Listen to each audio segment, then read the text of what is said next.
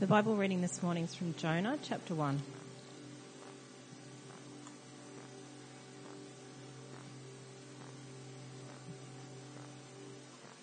The word of the Lord came to Jonah, son of Amittai. Go to the great city of Nineveh and preach against it, because its wickedness has come up before me. But Jonah ran away from the Lord and headed for Tarshish. He went down to Joppa, where he found a ship bound for that port. After paying the fare, he went aboard and sailed for Tarshish to flee from the Lord. Then the Lord sent a great wind on the sea, and such a violent storm arose that the ship threatened to break up. All the sailors were afraid, and each cried out to his own God, and they threw the cargo into the sea to lighten the ship. But Jonah had gone below deck, where he lay down and fell into a deep sleep. The captain went to him and said, How can you sleep? Get up and call on your God. Maybe he will take notice of us, and we will not perish. Then the sailors said to each other, Come, let us cast lots to find out who is responsible for this calamity. They cast lots, and the lot fell on Jonah. So they asked him, Tell us, who is responsible for making all this trouble for us? What do you do? Where do you come from? What is your country? From what people are you? He answered, I am a Hebrew, and I worship the Lord, the God of heaven, who made the sea and the land. This terrified them, and they asked, What have you done? They knew he was running away from the Lord because he had already told them so. The sea was getting rougher and rougher, so they asked him, What should we do to you to make the sea calm down for us? Pick me up and throw me into the sea, he replied, and it will become calm. I know that it is my fault that this great storm has come upon you. Instead, the men did their best to row back to land, but they could not, for the sea grew even wilder than before. Then they cried to the Lord, O Lord, please do not let us die for taking this man's life. Do not hold us accountable for killing an innocent man, for you, O Lord, have done as you pleased.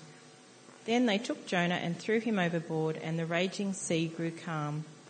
At this, the men greatly feared the Lord, and they offered a sacrifice to the Lord and made vows to him.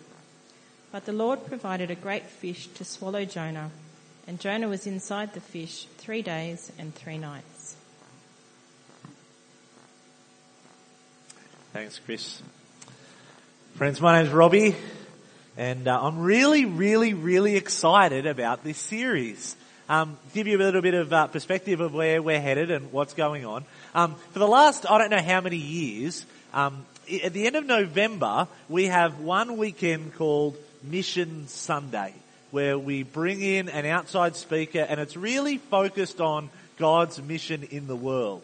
And, and over the last number of years, it's come at the end of our vision series at the end of the year looking at the next year. And, and what we found is that it kind of got lost in the vision series. Uh, we weren't really able to focus on world mission because we were looking at what we're doing in the here and now. And so we thought, we, we want to make a bigger deal out of mission. We, we want to be a church that's known, that's on about, that cares about, that gives to, that supports, that considers mission. And so we thought we, we want to highlight this better. And so what we've done this year is we've moved Mission Sunday to about six weeks away. Uh, we've got uh, Omar Jandy or Giandy. I'm, I'm, not quite sure how you pronounce it. Like any good missionary, um, he's going to come. We've, we've heard from him before. Uh, he was fantastic. He's um, going to come and he's going to inspire us in, in, a few weeks' time. But we thought, in order to set the temperature, in order to get the feel of mission, we want to make a whole month's worth out of it. And what better way than to consider the the most failed, successful missionary of the Old Testament time, the story of Jonah. We are Jonah, are we not? We are Jonah. Each and every one of us are Jonah, and we're going to see that more and more as this series progresses. Because really, the story of Jonah is about a whole bunch of unlovable people. Jonah is a ridiculously unlovable prophet. The Ninevites are, are a ridiculously unlovable city. We ourselves, if we look deep, within ourselves are, are, are pretty unlovable at times. And the people that God sends us to reach are pretty unlovable. And yet God is a loving God of those unlovable people like us, like Jonah, like the Ninevites. So we're really going to focus in on what, not only what God did back then, but what God is doing right here and right now, not just here, but across the whole world.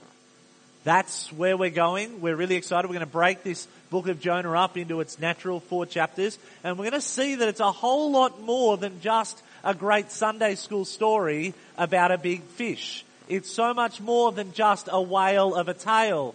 There is so much to the book of Jonah. I think I'm glad there was one sigh out there. I wanted to get that out of the way early on in the series so we can concentrate on this book is ultimately all about God. It's all about God. Now, I don't know about you, I was surprised to find that Jonah 1 is not the first time that we meet the prophet Jonah. We actually get a glimpse of Jonah in an earlier book, the book of 2 Kings 14. 2 Kings 14. You don't need to flick there. Let me tell you what happens in 2 Kings 14. We realize that Jonah is placed in a particular historical period in the time of Jeroboam, king of Israel, which puts it about 800 years before Jesus. He's a real man who lived in history 800 years before Jesus. And the first time the word of the Lord came to Jonah, he was given a prophecy. He was told, the Assyrians are coming. We need to shore up our northern borders. And so as any great prophet, he went to, to the king and said, the word of the Lord has come to me. God has spoken to me. We need to be wary of those Assyrians in the north and we need to reinforce our northern borders.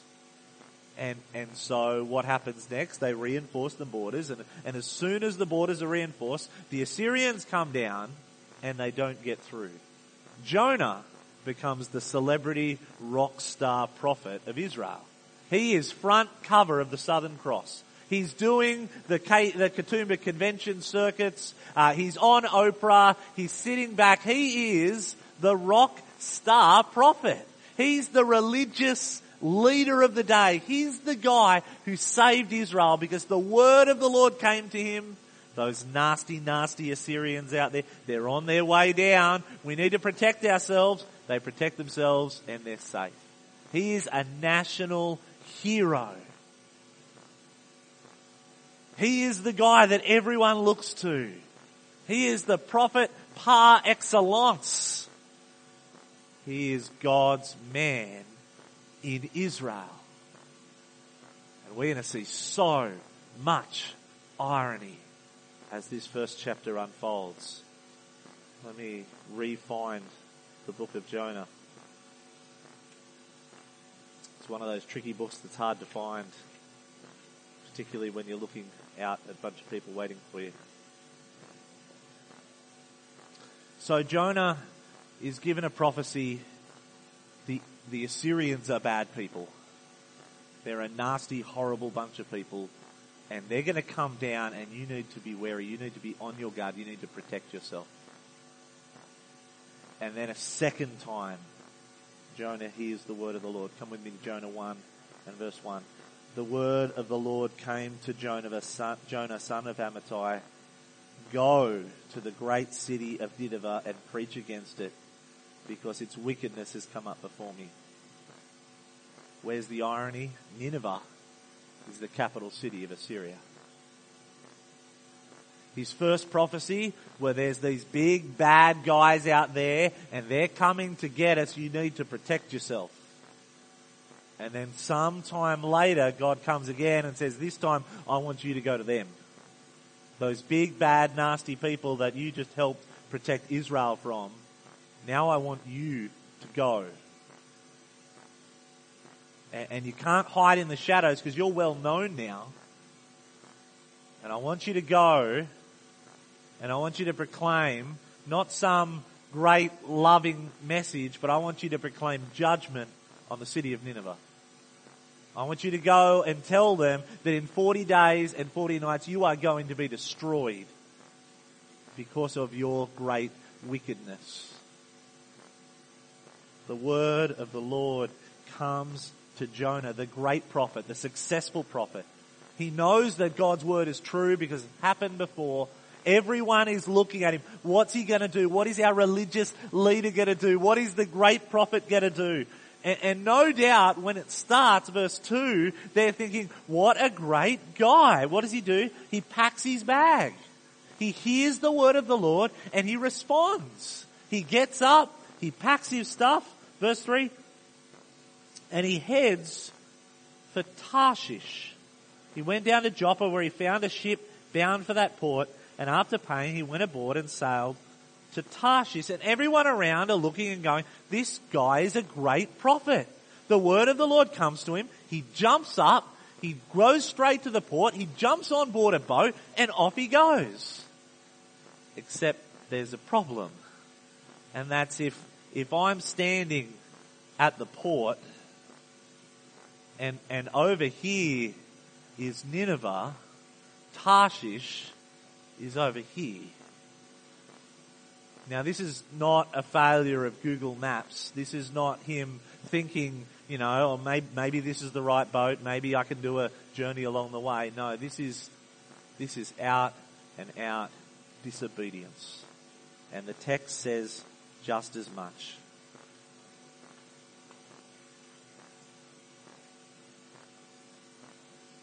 And I can find it.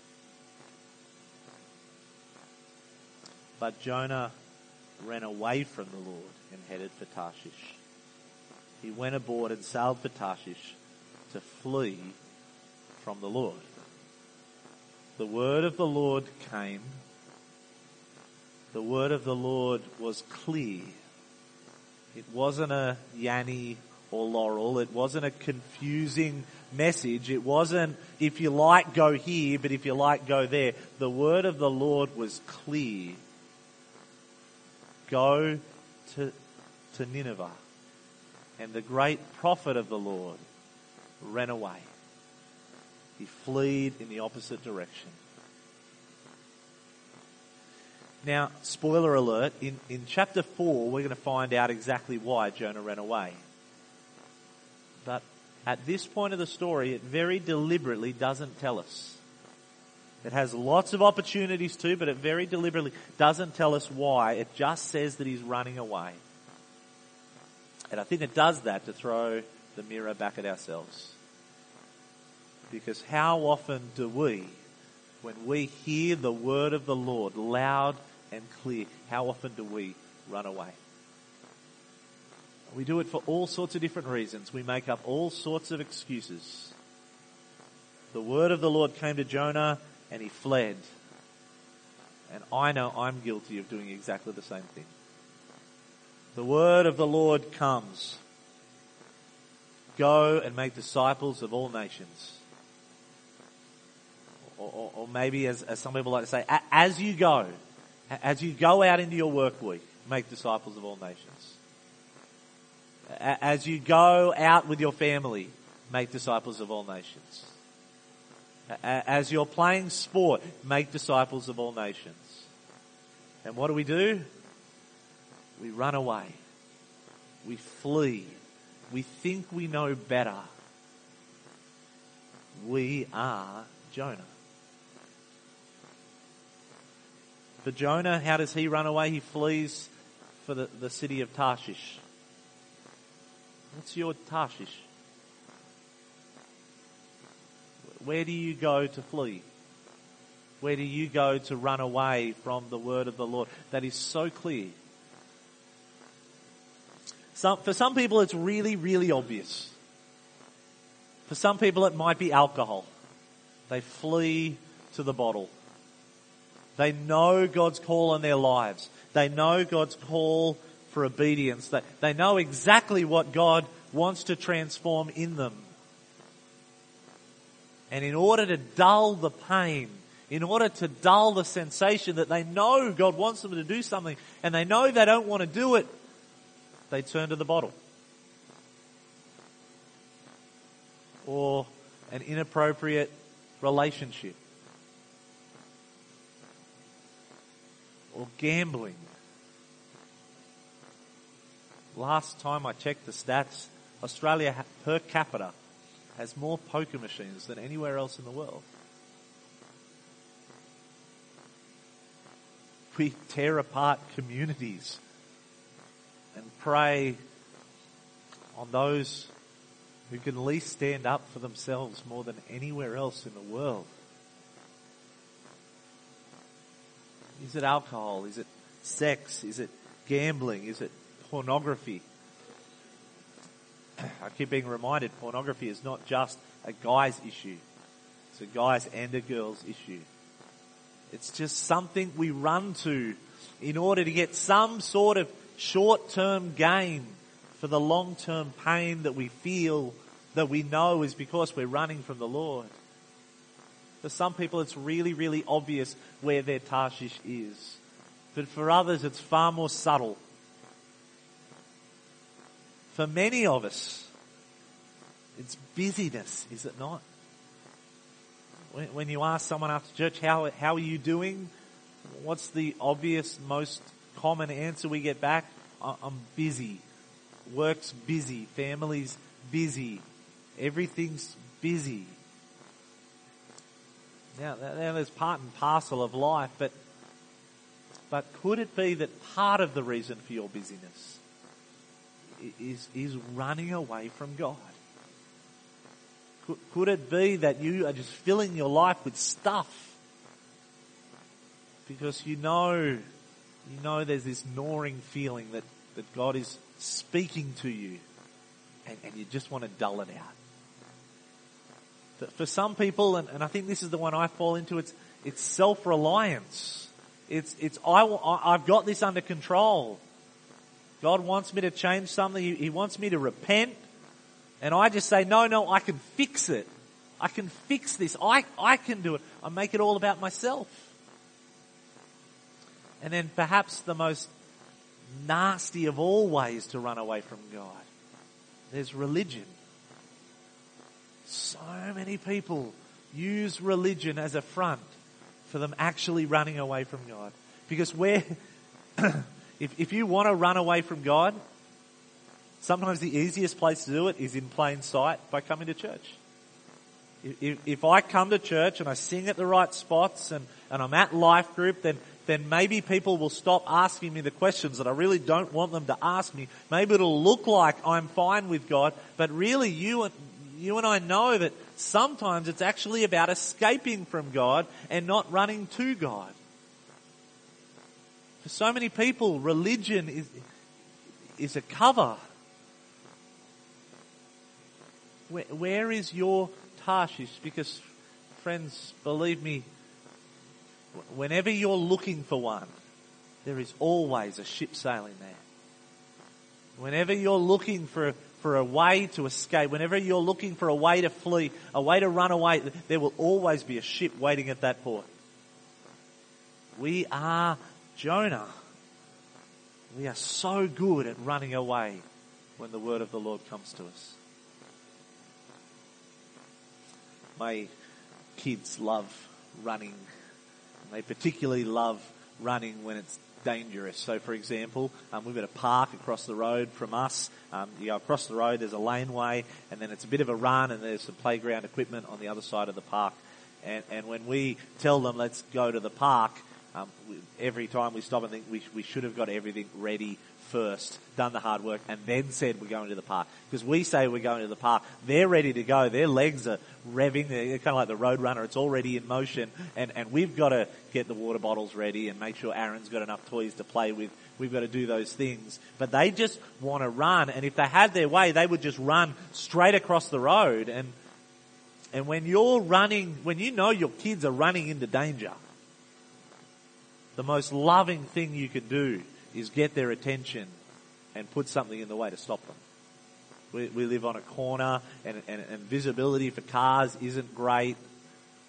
So the most loving thing as parents that we can do is, is, is stop them from running away. And God does exactly that. When, when Jonah says, no, no thank you, I don't want to do that, and he runs in the opposite direction, God gets his attention in a miraculous and powerful way. We pick it up in verse 4. Verse 4. Then the Lord, the same Lord that sent his word, then the Lord sent a great wind on the sea, and such a violent storm arose that the ship threatened to break up. All the sailors were afraid, and each cried out to his own God, and they threw cargo into the sea to lighten the load. You, you can just imagine. I, I'm guessing if you're a sailor, you're used to pretty rough seas. If you're a sailor, not much would frighten you. These guys have been doing this thing for a while, but this storm is a freaky kind of storm. This is an unnatural kind of storm. In my view, I can sort of just picture there's this ship sailing out to sea. Everywhere around it is clear skies, but there's one little circle of cloud just over the top. This is God sending a message. This storm comes and the sailors, they're afraid. Now, now what do, what do we do when, when something tough comes? First thing we do, we try and solve it ourselves. So they chuck the cargo overboard. They're frantic, they're afraid, and what's Jonah doing? He's having a nana nap below deck. I'm, I'm a bit partial to a nana nap. I, we didn't get much sleep last night. I could really do with a nana nap at the moment. But there's a time and a place for a nap, isn't there? And, and in the middle of a storm is not the time. This is Jonah running away from God, even when God is pursuing him. The soldiers are like, this, this, this isn't normal. Something's going on. What's the cause of all this trouble? They cast lots. Um, it's kind of like rolling dice, but somehow God has overseen the whole process. The lot falls to Jonah. They go down, wake him up, and they say, what's going on? We've never seen a storm like this. Take a look with me at verse 9. One of the most theologically accurate and hypocritical verses in all of the Old Testament. They ask him, why is all this trouble here? What do you do? Where do you come from? What's your country? Verse 9, he answered, I am a Hebrew and I worship the Lord, the God of heaven who made the sea and the land. I worship the Lord. I'm, I'm running away from him at the moment, but I worship the Lord. I'm fleeing from the God of the sea and the land by going onto the sea. it, it is jam packed with delicious irony, is it not? Here is God's rock star, superstar prophet running away from God, giving the most theologically accurate description of God that you're likely to see. He's hiding behind his religion. They knew that he was running away from the Lord, and so they asked him, What should we do? At this point, Jonah has two options. The easy option in my mind at this point, he's been given every chance, is, is just to repent. Is it not? The, the easy option, you know, he's, he's run away from God. God's been so kind as to send a storm. You'd think at this point Jonah might consider, I, hold on, I, I, just said I worship the Lord. I, am a Hebrew. He's the Lord of the, the sea and the land. Maybe I should start, you know, responding to that way. I'm really sorry for running away. I'll go and do what you asked me to do. But Jonah is so stubbornly proud that he says, look, quickest way to make this all over, the quickest way for me to save face and for this all to be over is just chuck me overboard. I'll take the easy way out.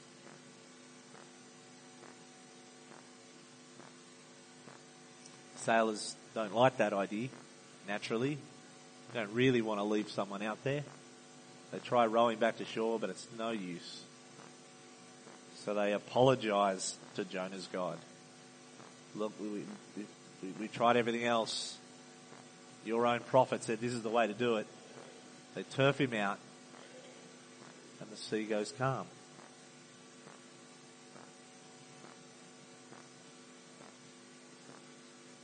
Has God ever sent a storm to get your attention? Has man, when when you're in the storm, I don't know. It, it's so easy to want to curse God. It's so easy to want to say, God, why have you given this to me? In, in hindsight, we, we like to think we have some ideas, but, but in the middle of the storm, have you ever stopped to think maybe this is God's loving kindness to remind me that it's silly to run away from the Lord of the land and sea?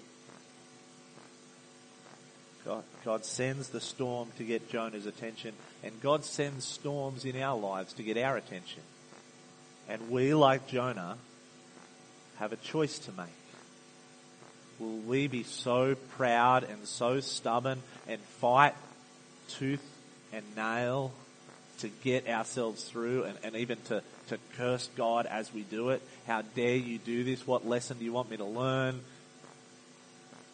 Or will we repent and say, You, you are the Lord? I, I know that I'm acting in disobedience. I know that I'm running away from you. I know that I'm putting all these things in my life to dull the pain that I, that I have because, because I keep ignoring you. I'm sorry. I'll get back on the boat and I'll go where you told me to go. Jonah was faced with exactly that choice. And his pride led him to be thrown overboard. The Lord sends His word and it's clear. The Lord sends His storm and the appropriate response is repentance. But even when that is rejected, thirdly and finally, the Lord sends His great mercy. There are two postscripts, two verses at the end of this chapter that, that just reek, that just saturated with God's grace. Firstly, verse 16. Verse 16. At this, the men, that is the sailors, greatly feared the Lord, and they offered a sacrifice to the Lord and made vows to him. Here we have a bunch of pagan sailors who, who when we first meet them, are, are all offering prayers to their various gods. And at the end, they're, they're, sacrificing, they're, they're worshipping Jonah's God. They're worshipping the God of the Hebrews. Is that not amazing? Here we have the great, successful, mighty prophet of God sinking down to the depths in the water outside the boat. And these pagan sailors, and, and we say cursing like a sailor for a reason. These are rough, rough men praising and worshipping God and sacrificing to Him in the boat. Is that not God's incredible, gracious kindness? These sailors are unlovable. These sailors have just witnessed the most hypocritical prophet of all time, short of maybe you and me. And at the end, they're singing hymns and worshipping the God of heaven. That is God's incredible grace. And then verse 17. Just as Jonah is sinking into the pit as his lungs are filling up with water, as he's about to take his last breath, the Lord provided a great fish to swallow Jonah. And Jonah was inside the fish three days and three nights. We're going to cover this whole thing next week. So if you've got questions about that, please bring them with you next week. We're going to have that whole discussion of is this possible? What's going on? We'll get there. But for now, you've got to realize that God is a great rescuer. God had every reason to leave Jonah. He had every reason to punish Jonah. He had every reason to look down at Jonah and say, you got exactly what you deserved, buddy. And, he has every right to do that with us too, doesn't he? But our God is a gracious, loving God. And he sends rescue he sends rescue for Jonah in the form of a giant fish. He sends rescue for us in the form of a man who spent two days and one night in the belly of a tomb. We are Jonah, friends. The word of the Lord comes to us so clearly. We've got it right here in our hands. It's in our phone we have access to it like we've never had before. We have the word of the Lord. It, it is clear. It is challenging. It is transformative. It can change our lives. It can change the world. The word of the Lord has come to us, and yet what do we tend to do? We tend to run away from it. We find our own Tarshish. Sometimes God does something miraculous to get our attention. And what does He want? He wants our repentance. He wants our heart.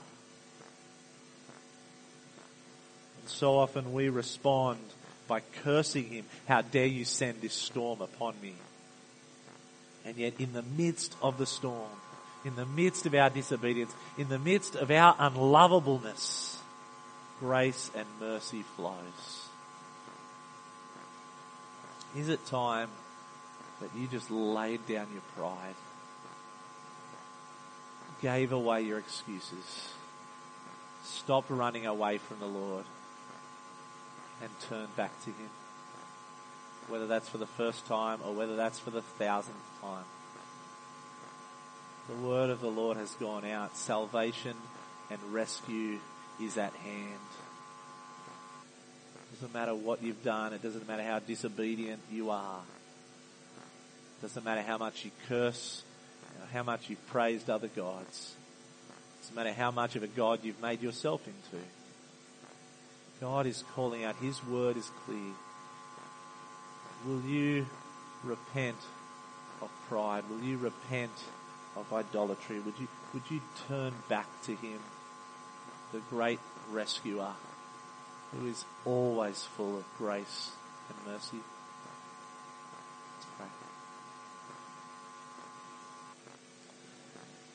Heavenly Father, we're so sorry for the times that we have willfully run away from you.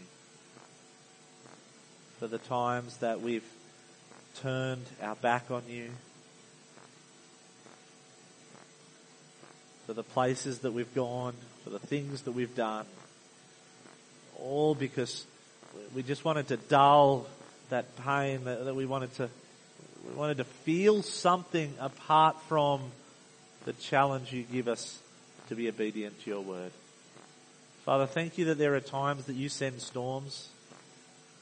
Thank you for there, that there are times where you get our attention and we're sorry. We're so sorry when we don't recognize them for what they are. But we are so thankful that you're a God of grace and mercy, that you are a rescuing God, a loving God who loves the unlovable like us.